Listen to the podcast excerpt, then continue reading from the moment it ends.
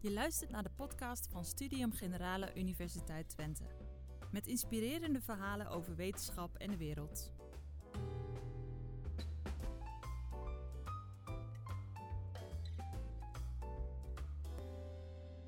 Dames en heren, mag ik een warm applaus voor ijsman Wim Hof.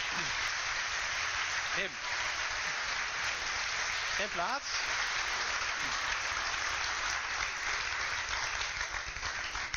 Welkom Wim hier in, uh, in Enschede op de Universiteit Twente. Um, ik uh, heb hier een hele lijst voor me liggen met 21 uh, Guinness records. Ik noem er een paar. Ik ga ze niet allemaal 23 ondertussen. Neem me niet kwalijk, neem me niet kwalijk.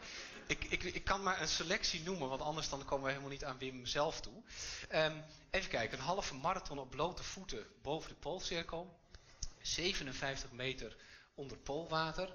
En de eerste keer uh, waren je ogen dichtgevroren, toch? Kon je het wak niet meer vinden. Ja, ja. De, In het filmpje had je een brilletje op, om dat te voorkomen, hè? Ja, nou, de eerste keer, niemand had een ervaring ooit meegemaakt om te zwemmen onder ijs. Nou ja, dan zit je onder water. En uh, ik zag dat uh, 1 meter dikke uh, ijs.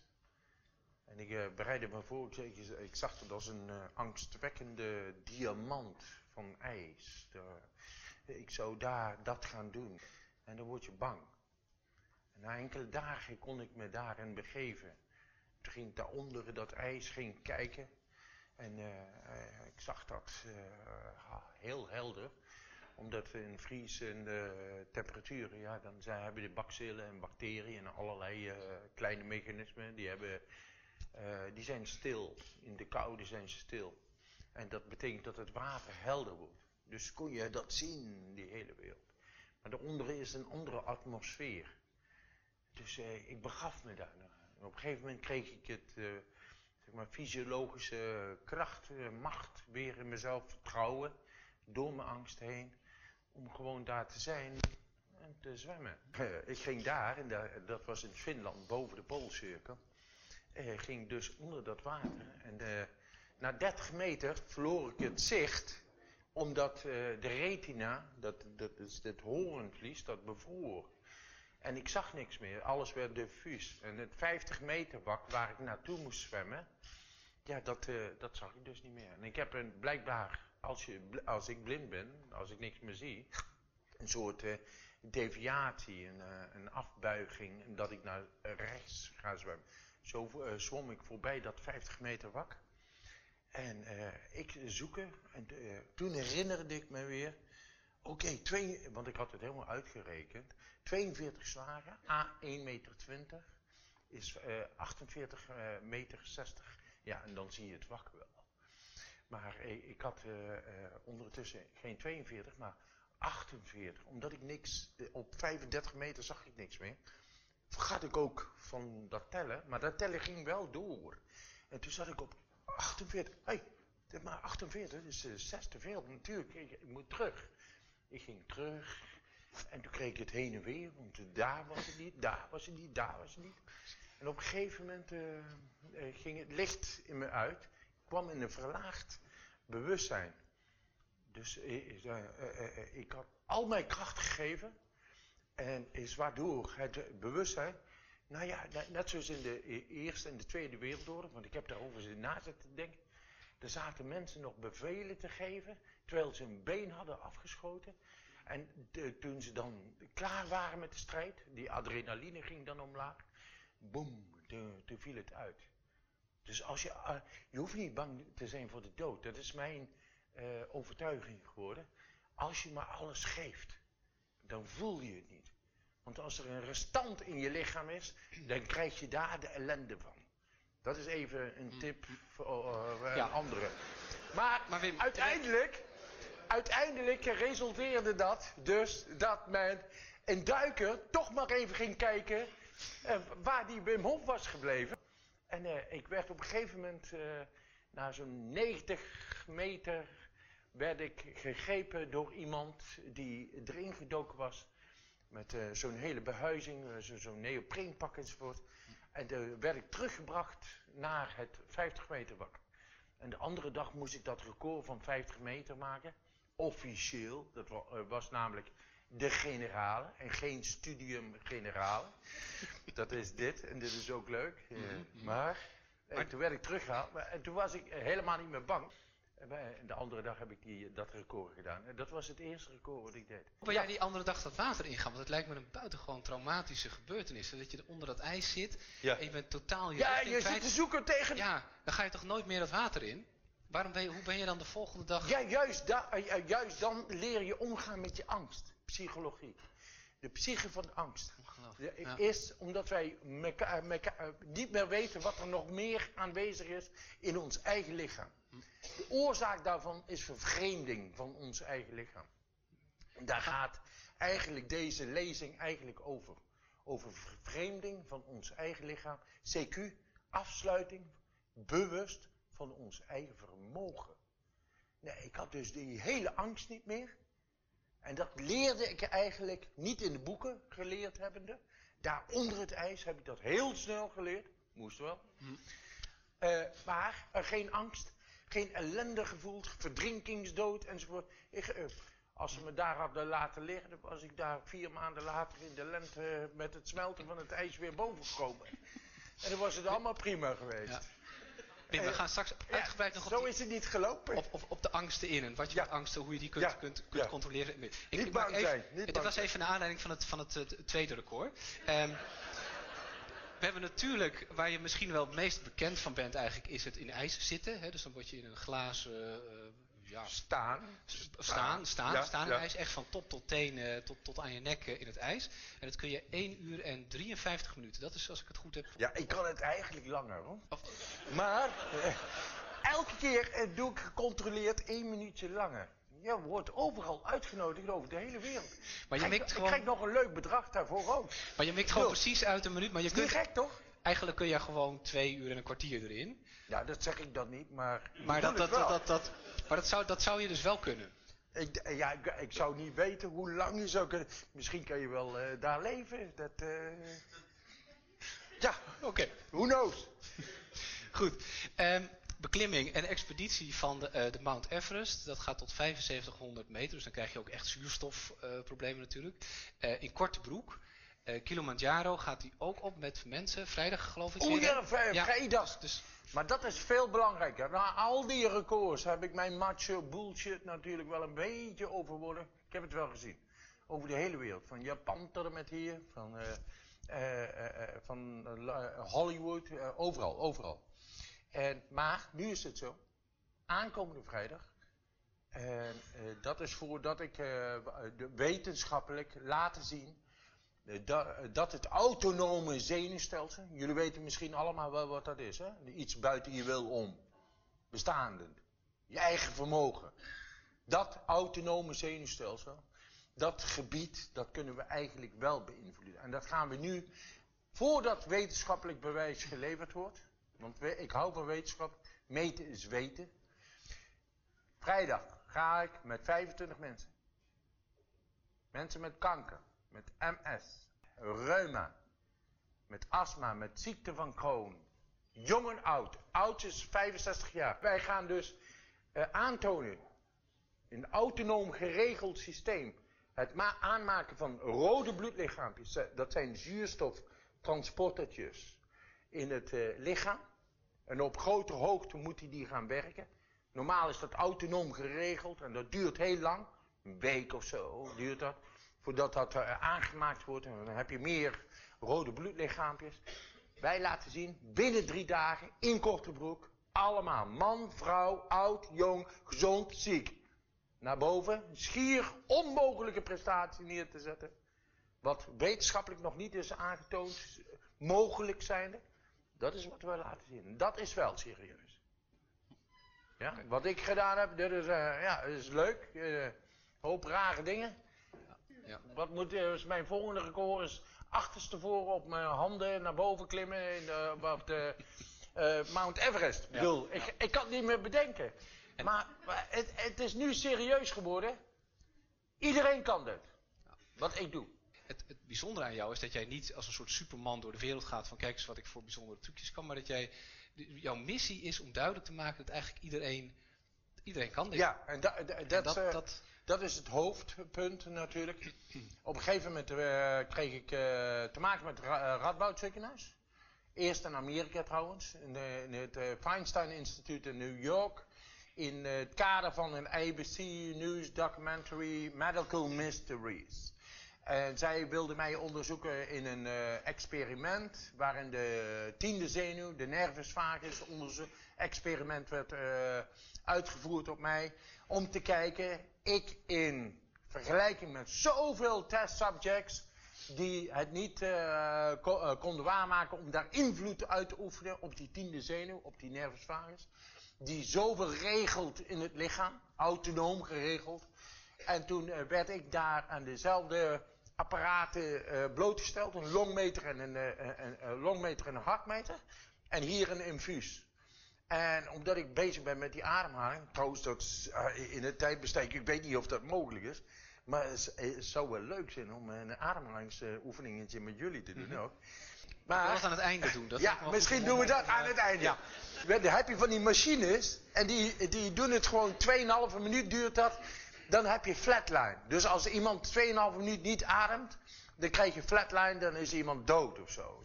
Maar ja, als ik een beetje met mijn ademhaling bezig ben, dan zit ik eh, snel over 2,5 minuut zonder adem.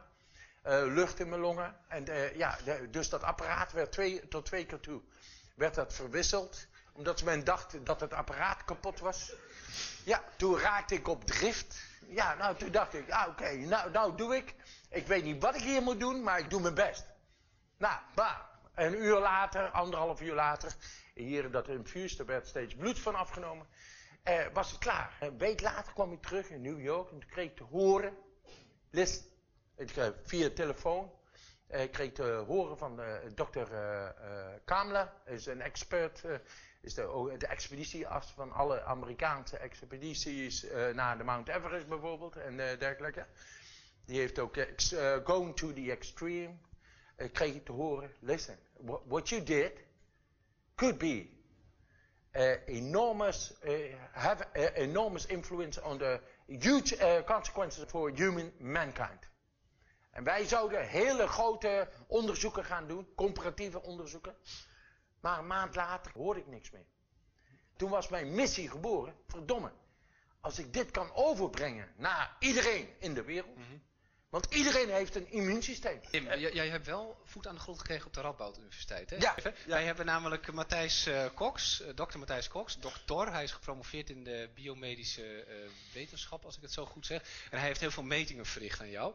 Matthijs komt straks ook hier nog ehm, aan tafel zitten en die presenteert dan de onderzoeken Matthijs die, is proof. die, die, ja, die gaat vertellen wat er nou zo bijzonder is aan jouw lichaam. Maar Wij zijn eigenlijk dieren. Daar komen wij vandaan. Dat zijn wij. We zijn één met de natuur. En als wij constant gestimuleerd worden door diezelfde natuur, dan gaat dat lichaam daarop reageren. Nou, eh, dat doen wij niet meer. We krijgen een soort neutrale eh, conditie. Ja, er gebeurt niks meer. En dat cardiovasculair systeem, dat reageert niet meer. Dat Maar wordt Wim, hoe heb je dat ontdekt? Hoe- je Ja, ook- ja, een ik- beetje Als na- kind ging je dan door de sneeuw rennen en dacht je, gut, wat lekker, ik voel Ja, me dat is, to- toevallig. Twee keer als kind zijnde eh, eh, zat ik dan in de kou te slapen. Eén keer in de kou zat ik te slapen. Toen werd ik wakker. En dat was vreselijk. Het was heel bizar. Want als je onderkoeld raakt, ja, dan, eh, dan, eh, dan word je kerntemperatuur. Dat voor, voor de hersenen en je hart en je lever en je longen. Dat wordt dan eh, 34, 33, 32 graden. Ja, en dan ga je eh, langzamerhand, eh, heb je er helemaal geen controle meer over. Maar je kan in ieder geval niet meer functioneren en het wordt heel bizar. Dus een soort horror. Nou, dat, eh, dat kwa- eh, zeven jaar oud was ik toen. En, in één keer is dat elf jaar. Mhm. En toen hebben ze me opgehaald en naar het ziekenhuis gebracht ter observatie. En een week later kon ik weer weggaan. Maar ja, waarom had ik zo'n hang naar de kou? Omdat ik tijdens mijn geboorte, identieke tweeling als ik ben, waarvan ze dachten er is maar één kindje en de tweede was ik. Maar ik zat heel diep verborgen in die baarmoeder ergens of zo. Verstoppertje aan het spelen, hoe dan ook. Eh, eh, ze kwamen er heel laat achter dat er nog eentje zat. In allerijl werd ik toen gebracht naar die eh, operatiekamer. En mijn moeder, die erg gelovig, katholiek als ze was, maar ook bang dat ze een cesarium moest ondergaan. Die eh, begon te bidden. Oh, God, laat dat kind leven. Ik zal zorgen dat het een missionaris wordt. Je? En zij pushen. Oh, oh, daar. En dat kind kwam te, tevoorschijn. Voor die klapdeuren. Die rubberen dingen van, de, van, de, van die uh, operatiekamer. En dat was in toen de tijd, 1959. Uh, was dat nog koud daar in die hallen, in die, in die gangen. en ja, en, en ik had bijna geen zuurstof. Ja. Na een uur. Dat is logisch. Dus, ik, ik kreeg, kreeg, toen mijn traumaatje, zonder referentiekader, als baby heb je nog niet zoveel gestudeerd. Mm -hmm. eh, maar ja, dat krijg je wel met. Maar, dus ik was altijd anders dan mijn tweelingbroer. En dat resulteerde op een gegeven moment, en dan kom ik op ja? antwoord op jouw vraag. Dum! Hé, hey, esoterische disciplines, karate, tradities, uh, talen, weet ik wat. Ik kon allemaal niet raken daar. In die imprint die ik had meegekregen. Zonder dat ik wist waar het vandaan kwam, was ik altijd verschillend dan als mijn tweelingbroer. En toen kwam het uh, met dat koude water één dag, op een zondagochtend. Ik kijk rondom me heen en weer in mijn gedachten verzonken. De filosofie en denken, denken. Altijd maar denken, denken, denken. Want ja, ja, dat denken, dat wil ergens naartoe. Maar weet niet waar naartoe. Op dat moment voelde ik, hé, hey, dat koude water, dat zag er gewoon lekker uit. Dus we hadden aantrekkingskracht. Mm -hmm. Ik om me heen kijken zondagochtend. Mm -hmm. Ja, kan ik me hier wel uitkleden? Ja, ja, ja kon ik. Dom, erin, minuutje, hoogstens. Ik zat te spelen met dat uh, flinterdunne laagje ijs. En ik voelde macht. Voelde contact met dat oude trauma. Plotseling voelde ik iets waardoor ik contact maakte met mezelf. Daar binnenin, wat er was gebeurd. I didn't know. Just felt good. Andere dag terugkomen, opbouwen, elke dag waar je je goed voelt, dan kom je altijd weer terug, toch? Nou, en dan ga je leren heel bewust om te gaan met je ademhaling. Zorg ervoor dat binnen de kortste carrière de juiste manier van diepteademhaling naar me toe trok. En ik zo vijf, zes minuten wel onder het ijs kon verdwijnen. Helemaal relaxed, elke dag in zo'n feutushouding. Hoe oud was je toen, toen je dat deed? 17, 18 jaar. Oké, ja, ja. Toen is dat begonnen. Eigenlijk ben ik toen weer opnieuw geboren. Maar, eh, dat, dat, is even abstract, hè, zo. Maar eh, het gaat erom, het vermogen wat er naar boven komt. Als je leert dieper te ademen in jezelf, wat wij niet meer doen, omdat wij niet meer gestimuleerd worden, dat we altijd kleren dragen, een soort comfortzone wordt het genoemd, want het is geen comfortzone. Want het grootste probleem in het Westen is cardiovasculair gerelateerd. Dus alle problemen met, met hart- en bloedvaten in het Westen, dat is het grootste gezondheidsprobleem. Kunnen wij dat tackelen? Ik denk van wel. En heel direct en heel snel. Binnen een week kan je ervoor zorgen dat die aderen, die allemaal spiertjes, we hebben honderdduizend kilometer aderen en capillairen in ons. Allemaal. Kunnen wij dat trainen? Ja. Beetje koud afdouchen. Koud afdouchen, jongens. Van nu af aan. Dus het is eerst warm douchen en dan aan het einde, hoe lang dan? Een minuutje? Of, ja, of, of, nog niet eens een minuutje. Nog niet eens een minuutje. Wat gebeurt er? Uh, uh, dichtgaan, opengaan van aderen, waardoor die weer in hun natuurlijke staat terechtkomen. Waardoor de doorstroming van, bloed, van het bloed door het lichaam uh, meegeholpen wordt. Waardoor het hart met dat pompen verlicht wordt. Die hoeft dan, eh, als je dit een weekje doet, dan kan je op de klok kan je kijken van hoeveel keer, hoeveel hartslagen heb ik nou per minuut? Nou, 20 slag, hartslagen per minuut, 24 uur per dag minder. Dat kan je veroorzaken. En dat betekent minder stress. Hormoon. Okay. Want als je constant in een survival modus bent, stresshormoon, eh, en wat doen en deadlines en halen en nog meer en nog meer. Dan op een gegeven moment krijg je geen rust in je cel. En de cel heeft rust nodig, net zoals een koe moet gaan verteren en een chemie gaan veranderen. Wordt een beginneling daar niet dan heel verkouden van? Als je dat dan Juist niet! Juist niet, nee? Want, wat, wat gebeurt er? Met die bloeddoorstroming, als dat bevorderd wordt, omdat die spiertjes beter gaan werken, die capillairen beter gaan werken, dan bereikt het eindelijk de immuuncellen. En die immuun, elke ziekte begint Heel klein. Maar als de immuuncellen niet alert zijn, zien ze dat niet. En dan kan die, uh, die rotzooi, die kan gewoon die uit balans geraakte chemie in het lichaam, die kan gewoon gaan groeien en dat wordt oncontroleerbaar en dat is ziekte. Dat heet ALS, dat heet kanker, dat heet... Pim, Maar uiteindelijk is het heel eenvoudig. Weer terugkeren in jezelf, naar jezelf. Hey, wat kan je er aan doen? Een beetje koud afdouchen. Ik noteer hem hier als tip, voor het einde. hè? Want je zei net, het, je kunt er rustig van worden, maar als ik het goed begrepen heb, mediteer jij ook zo dat je juist heel eh, veel, eh, als je bijvoorbeeld in zo'n bak ijs zit, dan moet je heel veel energie produceren om dat lijf te Dat, dat, te houden. is eigenlijk meer concentratie. En dat is een... Meditatie, co- concentratie, meditatie, er zijn studies over gedaan. En Hopman, eh, professor Hopman en eh, professor Groothuis gingen voor een acht minuten presentatie voor een wetenschappelijk publiek in een internationale conferentie over het autonome zenuwstelsel in Florida. Acht minuten heb ik het over. En ze gingen daar naartoe. Normaal krijg je daar één of twee vragen over. En nu met de onderzoeksresultaten die we bereikt hebben in het Radboud, moesten ze twee uur vragen beantwoorden. Er is wel iets gebeurd. En wat? Nou, dat gaan we wel zo We gaan, dat, we gaan het zo horen wat, wat, wat er Ja. in het Radboud allemaal gebeurd is. Ik, ik wil even kijken, een van jouw beeldmerken is, is de houding dat jij op één hand staat. Ik, ik laat het gewoon even zien en dan praten we erover. Eh, dit lijkt me nou niet echt relaxte yoga of zo. Waar, waar- wat, is, dit, is dit een soort yoga? Wat, wat is dit nou voor soort houding? Waarom doe je dit? Nou ja, eh, Dit- dit- Als, je, als je een beetje lichaam leert kennen, en CQ, eh, lichaamsbewustzijn, dan blijk je binnen de kortste keren tot veel meer toe in staat. Maar die verbinding moet wel hersteld worden. En het begint bij een koud afdouchen. Wacht, daar begint alles mee. Ja, Maar, maar even die verbinding, hè? Dus, dus dat is een verbinding tussen je denken. die doorstroming van bloed. Bloed is net als smeer, is een beetje olie. Ja, dat, ik heb geleerd dat weer daar naartoe te brengen. Hoe doe je dat? Een beetje koud afdouchen. Gaat die aderen, die gaan weer beter werken. Die komen Maar- weer overal. Dan zoek je je stress, points of stress op. Zeg maar dat- dat het hier is. En de Radboud heeft dat ook eh, laten zien. Met de aderonderzoek. Dat als je... Eh, even een principe, hè. Dan houdt je bloed, dat gaat zich eh, eh, opstapelen in de, in de ader. En ik heb nu mijn stresspunt, zeg maar even als voorbeeld, even laten zien, illustratief. Dat zou dan hier zitten. Verder zou ik niet kunnen. Maar nu doe ik.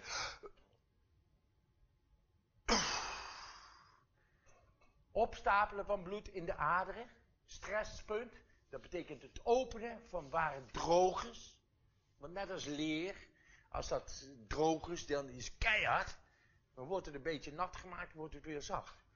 Dat is, dat is dat principe van opstapelen van het bloed in het moment van stress. En dan daarin brengen. Zorgt voor doorbloeding, CQ, het weer eh, losmaken van dat weefsel, het nat maken, het smeren van dat weefsel.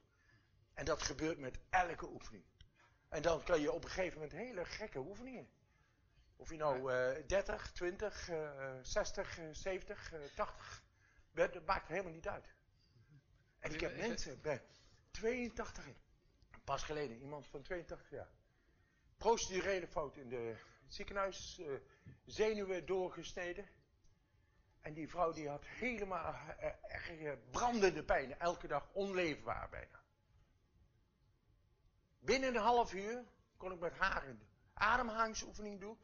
Gemotiveerd zijnde. En kon ze 2,5 minuut zonder lucht in haar longen verblijven. No problem. Geen forceren. En ze haalde in. En al haar zenuwen waren he- waren helemaal rustig. Dus die zenuwpijn was in één keer weg.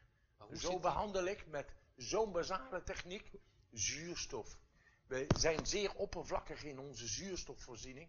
En dat komt door die kleren, omdat we, we leven niet meer in die natuur, we weten dat niet meer, we ervaren dat niet meer. Wim, als jij in zo'n bak ijs zit, hè, dan doe je dit ook natuurlijk, hè? Hmm. En dan zorg je ook dat je bloed heel veel zuurstof... Want jij verbrandt dan heel veel... Jij, jij houdt de kachel, Ja, zet wa- op 300% las ik ergens. Dus dan moet je veel zuurstof hebben om goed of niet. Of wat, Ja, wat, wat- ja, ja, je hebt een proces dat heet eh, aerobe dissimulatie. Dus met, Je hebt een anaerobe en aerobe dissimulatie in de cel.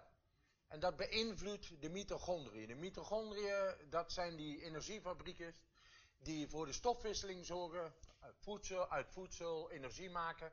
Daar, en, daar gebruiken ze uh, zuurstof voor, mede. En uh, als je dat kan beïnvloeden met zuurstof, dan kan je veel meer energie veroorzaken in die dissimulatie. En dat is wat wij doen. Maar omdat wij altijd kleren dragen, zijn we eigenlijk oppervlakkiger bezig. En daardoor krijgt het lichaam eigenlijk, die mitochondriën krijgen niet zoveel zuurstof. Is waardoor op een gegeven moment een chronisch gebrek ontstaat aan zuurstof, aan energie in het lichaam.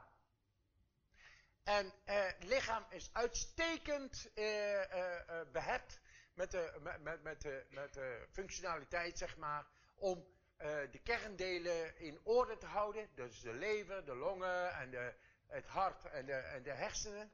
En de rest, dat wordt dan een beetje verlaten. En omdat wij dus oppervlakkig ademhalen, daar niet meer de volledige zuurstof komt bij de mitochondriën, is waardoor er op een gegeven moment een chronisch tekort ontstaat buiten die kerndelen om.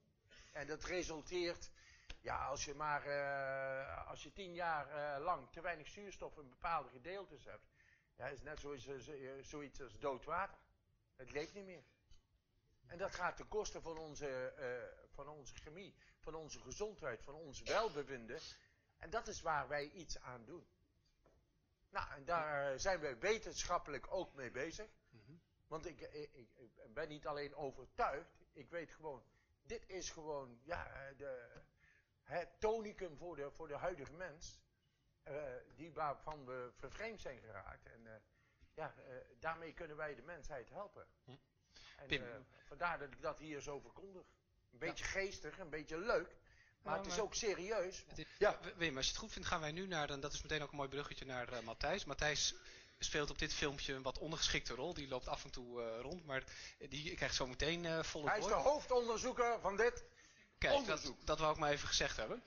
Um, maar we gaan even kijken wat hier gebeurt. Want jij krijgt een, uh, een, een, bacterie geïnjecteerd. En dan, nou ja, een normaal mens krijgt dan echt heftige reacties. Uh, griep, hoofdpijn, noem maar op. En bij jou gebeurt er, nou ja, we gaan kijken wat er bij jou gebeurt. En dan vraag ik Matthijs naar voren. En die gaat dan meer tekst en uitleg geven over hoe dat allemaal werkt in het lichaam van jou. En van iedereen, in principe, als ik het goed begrijp. Ter, uh, nu krijg ik uh, LPS. Mag het geluid ietsje harder? Een, een bacteriewand, een gif. En het uh, immuunsysteem gaat daar heftig op reageren. Door eiwit, ontstekingseiwitten, ja. ontstekingseiwitten aan te maken. En dat veroorzaakt koorts, rillen, hoofdpijn, een, een zware griepgevoel, ellendig gevoel en dergelijke. En dat probeer ik dus te onderdrukken. Nou, ik ga toedienen. Dan merk je niks van. Let battle uh, begin. Stimulatie? Requiem van Mozart op de achtergrond. je weet het nooit. Goed Wim, we zitten nu uh, twee uur en een kwartier na de endotoxine toediening. We hebben goed kunnen mediteren. Op een gegeven moment voelde ik een beetje hoofdpijn opkomen. En uh, ik dacht van, ja, dit is nog niks natuurlijk of zo. Maar dat uh, nam ik als referentiepunt om, oké, okay, daar moet ik tegenin. En nou, na tien minuten was die weg. En sindsdien is het niks meer teruggekomen. Wim is blij, want de artsen van het UMC Sint Radboud hebben goed nieuws. Ze noemen de testresultaten in zijn bloed opmerkelijk. En blijkt dat Wim ja, door zijn meditatietechniek cortisol, dat is een hormoon wat omhoog gaan, uh, veel meer omhoog gaat dan andere proefpersonen. Uh, en daarbij hebben we gevonden dat de ontstekingseiwitten in het bloed, hè, dat was het belangrijkste waar het om ging voor ons, dat dat ongeveer op een derde tot een half was van wat de gemiddelde normale proefpersoon produceert. In simpel Nederlands, er is inderdaad iets heel bijzonders aan de hand met Wim. Wijzen dus ook de bloedtesten uit. Het lijkt erop alsof hij in staat is op de een of andere manier de reacties van zijn immuunsysteem te beïnvloeden. Wim, begrijp, ben jij, jij bent dan bijna nooit ziek. Want als jij hoofd, ik heb wel eens hoofdpijn en dan ga ik met een aspirintje liggen. Maar jij gaat dan liggen en dan kun je het wegdenken. Het lichaam zuiveren kan jij zelf. En zelfs met bacteriën en virussen. Weet je wat? Waarom? Omdat je het immuunsysteem aanzet. stel ik ben lekker verkouden. Ja. Als ik dan jouw ademhalingstechnieken toepas, dan zou die verkoudheid eigenlijk veel sneller overgaan dan... Ja, dan en geen griep meer, geen Ge- koorts meer en dit niet en dat niet. Het immuunsysteem weet na duizenden jaren van ontwikkeling heus wel wat hij moet doen. Maar ja, als wij ons daarvan afsluiten, dan gebeurt er niets. Hm. En met luchtdruk kan je heel veel uitmaken. Simpel. Ongelooflijk. Yes. Goed. Wim, wij, gaan even zitten. Oh ja, Ehm, ja, en we geven Matthijs eh, even de vloer voor een, voor een korte presentatie ehm, eh, van, van, van de uitslagen van het onderzoek met Wim Hof. Nou, eh, dankjewel. Eh, ik ben Matthijs Cox. Ik ben eh, onderzoeker, eh, postdoc onderzoeker eh, in het eh Radboud UMC tegenwoordig. Ik heb het er nog verkeerd staan, zie ik. Ehm, en ik werk op de intensive care. En eigenlijk onze specialiteit is eh, het immuunsysteem, onderzoek aan het immuunsysteem. En ehm, Wim Hof die kwam eigenlijk destijds naar ons toe dat hij claimde: ik kan mijn immuunsysteem via mijn autonome zenuwstelsel willens en wetens beïnvloeden.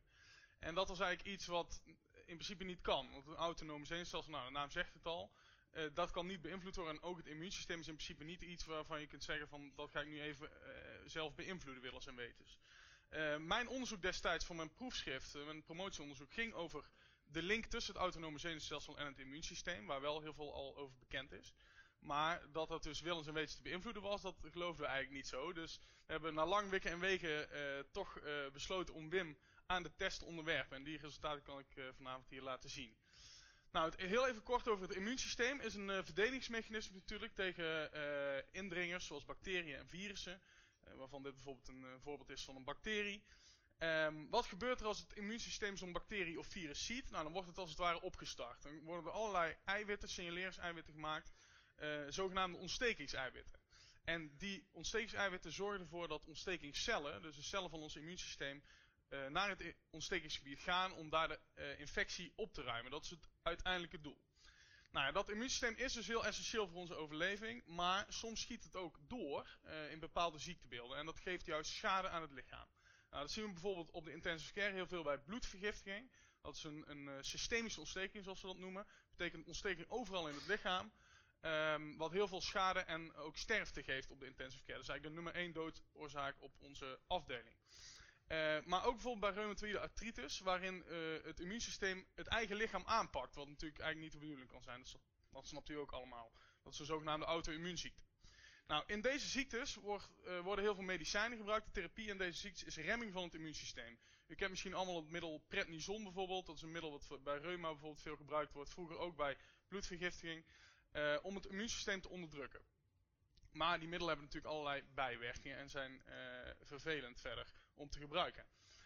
Nou, eh, hoe onderzoeken wij het immuunsysteem? Wereldwijd eigenlijk, en zeker in bijzonder op onze afdeling in Nijmegen, gebruiken we daarvoor een deel van een bacterie. En dat is endotoxine. Dat wordt ook wel LPS genoemd, dat is een andere naam voor endotoxine. Dat is een, een bestanddeel van de celwand van een bacterie. Nou, dat wordt heel veel, is een soort, eigenlijk een soort nepbacterium. Het is eigenlijk maar een heel klein stukje van de bacterie. Maar je lichaam denkt, hé, hey, dat is een echte bacterie, die ga ik aanpakken. En die gaat een immuunrespons opstarten. En daarvoor wordt LPS als een soort modelstof heel veel gebruikt in onderzoek naar ontstekingsreacties. Nou, in Nijmegen zijn wij een van de weinige centra die eh, dat LPS niet alleen in het laboratorium gebruiken om op celletjes of in proefdieren eh, te gebruiken, maar ook in mensen aan mensen toe te dienen. En dat is zijn we, ja, een van de weinige centra in de wereld die dat doen.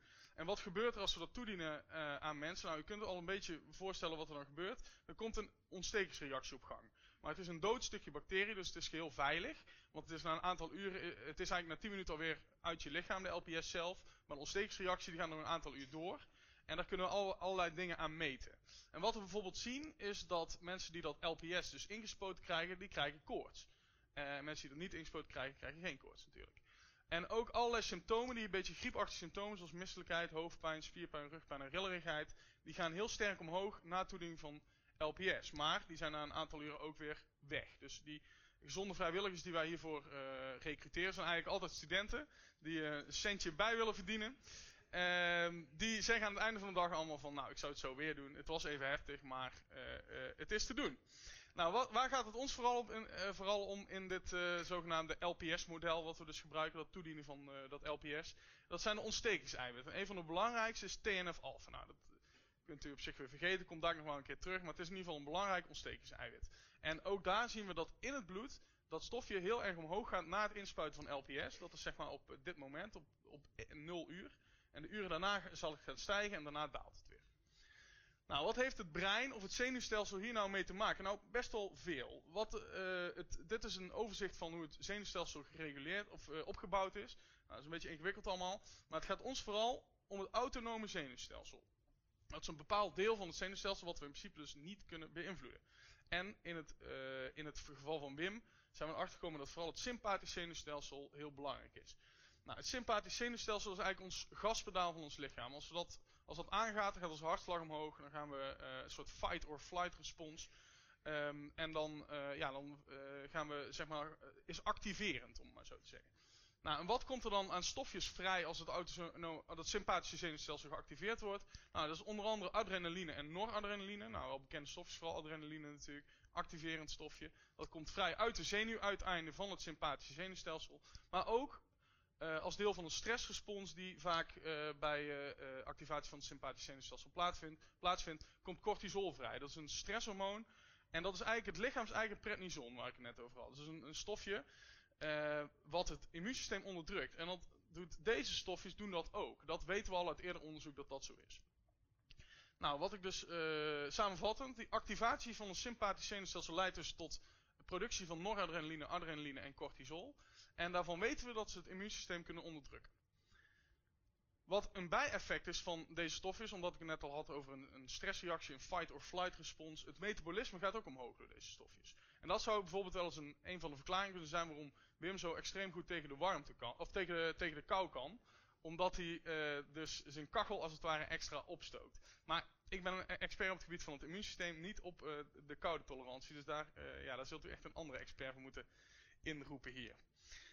Zoals ik al zei, het autonome zenuwstelsel is een, is een, uh, een deel van het zenuwstelsel wat we in principe dus niet kunnen, uh, kunnen beïnvloeden. Ik heb het nog eens nagezocht in het dikke van Dalen.